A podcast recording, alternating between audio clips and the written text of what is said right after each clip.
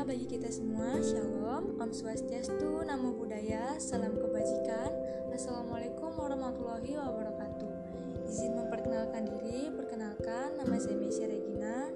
Saya merupakan mahasiswi Politeknik Pembangunan Pertanian Yogyakarta Magelang, jurusan Peternakan, program studi Penyuluhan Peternakan dan Kesejahteraan Hewan.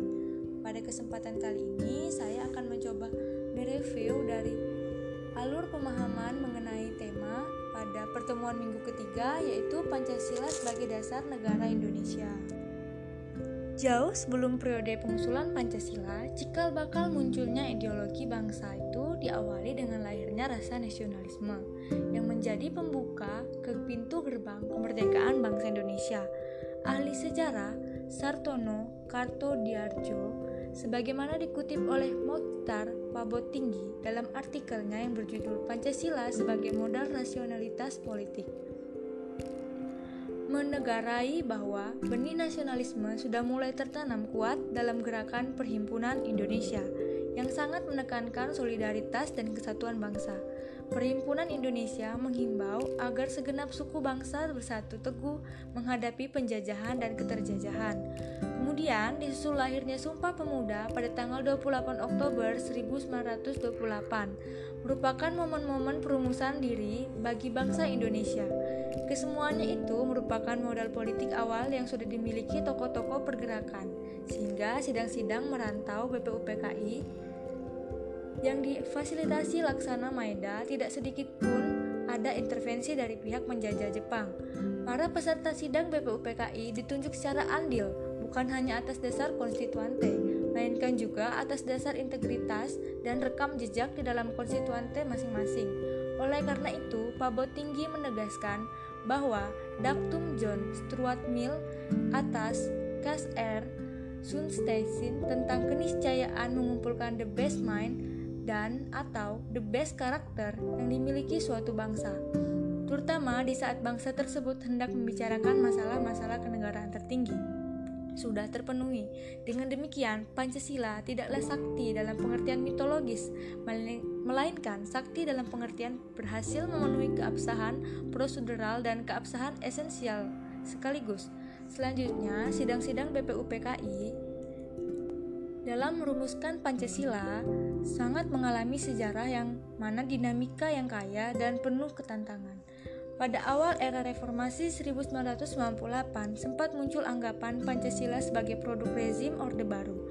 Anggapan ini muncul karena pada zaman Orde Baru, sosialisasi Pancasila dilakukan oleh P4 yang mana syarat syarat dan nuansa doktrin yang memihak kepada rezim yang berkuasa saat itu. Berdasarkan catatan sejarah, kelima butir gagasan itu oleh Soekarno diberi nama Pancasila. Selanjutnya, Soekarno juga mengusulkan jika seandainya peserta sidang tidak mempunyai lima angka tersebut, maka ia menawarkan tiga angka yaitu Trias, Trisila, yang terdiri atas satu Sosio nasionalisme, dua sosiodemokrasi, dan tiga ketuhanan yang Maha Esa.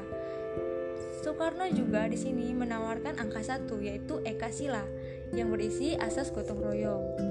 Sejarah juga mencatat bahwa pidato lisan Soekarno yang kemudian diterbitkan oleh Kementerian Penerangan Republik Indonesia dalam bentuk buku yang berjudul Lahirnya Pancasila 1947 dan tepat pada tanggal 1 Juni diperingati sebagai hari lahirnya Pancasila. Setelah kita mengetahui bahwa dasar negara kita berasal dari proses yang panjang, yang pastinya berdirinya negara Indonesia juga memiliki proses yang panjang. Secara etimologi, negara dalam bahasa Jerman disebut state dan dalam bahasa Inggris disebut states, yang berarti meletakkan dalam keadaan berdiri atau menempatkan atau membuat berdiri. Menurut Franz Magnus Suseno pada 2003 halaman 170, negara memiliki dua arti, satu, negara adalah masyarakat atau wilayah yang merupakan satu kesatuan secara politis. Kedua, negara adalah suatu lembaga pusat pemersatu suatu masyarakat yang menata dan menguasai wilayah tertentu. Nah, di dalam negara juga menghendaki kedaulatan, yang mana kedaulatan itu sendiri memiliki arti bahwa tidak ada pihak yang harus dimintai izin untuk menetapkan atau melakukan sesuatu.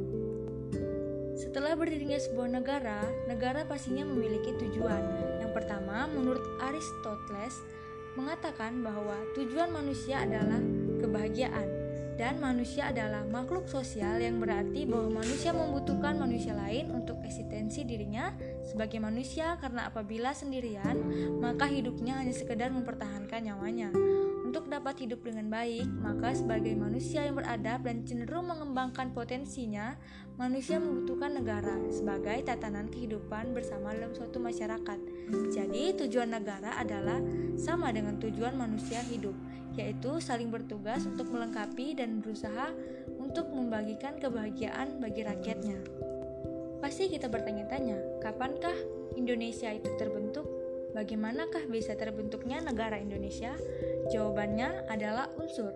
Jadi, sama dengan halnya dalam kita membuat unsur air, apa yang terkandung dalam air, pasti kita juga bertanya-tanya.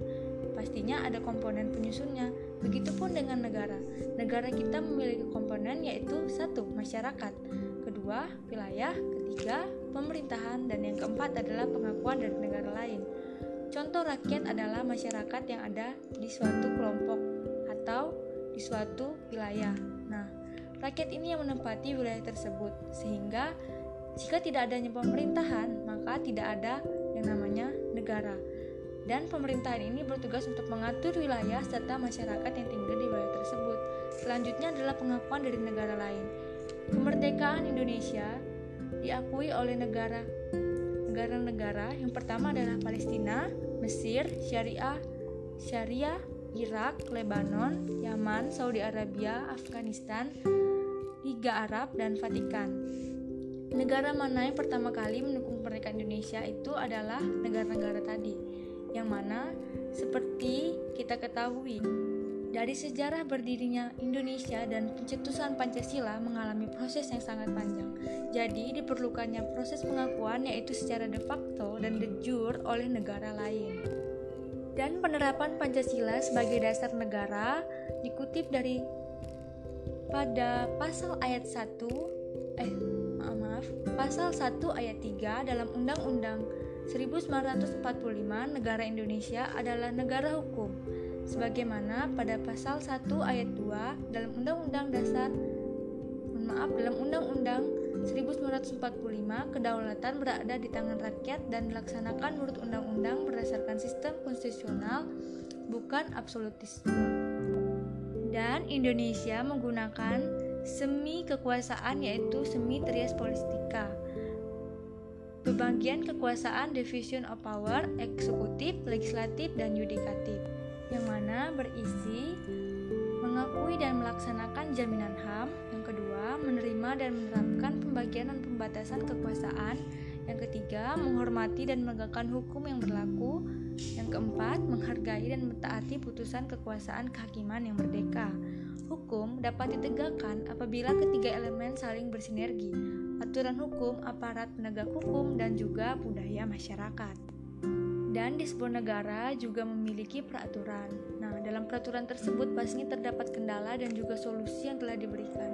Yang pertama, peraturan yang dibuat tidak memperhatikan kepentingan rakyat yang bernilai keadilan, sah oleh lembaga berwenang, dan dapat diterima karena sesuai dengan kebutuhan masyarakat. Jadi, saling berketerkaitan di antara filosofis, yuridis, dan sosiologi. Dan yang kedua, peraturan dapat diterapkan apabila ada lembaga penyelenggaranya ketiga, peraturan ditegakkan secara profesional oleh para hakim yang terpilih. Jadi, di sini semua komponen negara atau pemerintahan yang disebut sebelumnya memiliki wewenang. Yang keempat, sarana dan prasarana harus memadai sehingga mendukung penegakan hukum. Yang kelima, pelaksanaan peraturan harus memperhatikan keragaman dalam masyarakat termasuk bahasa, budaya, agama, pendidikan, ekonomi, dan kesederhanaan.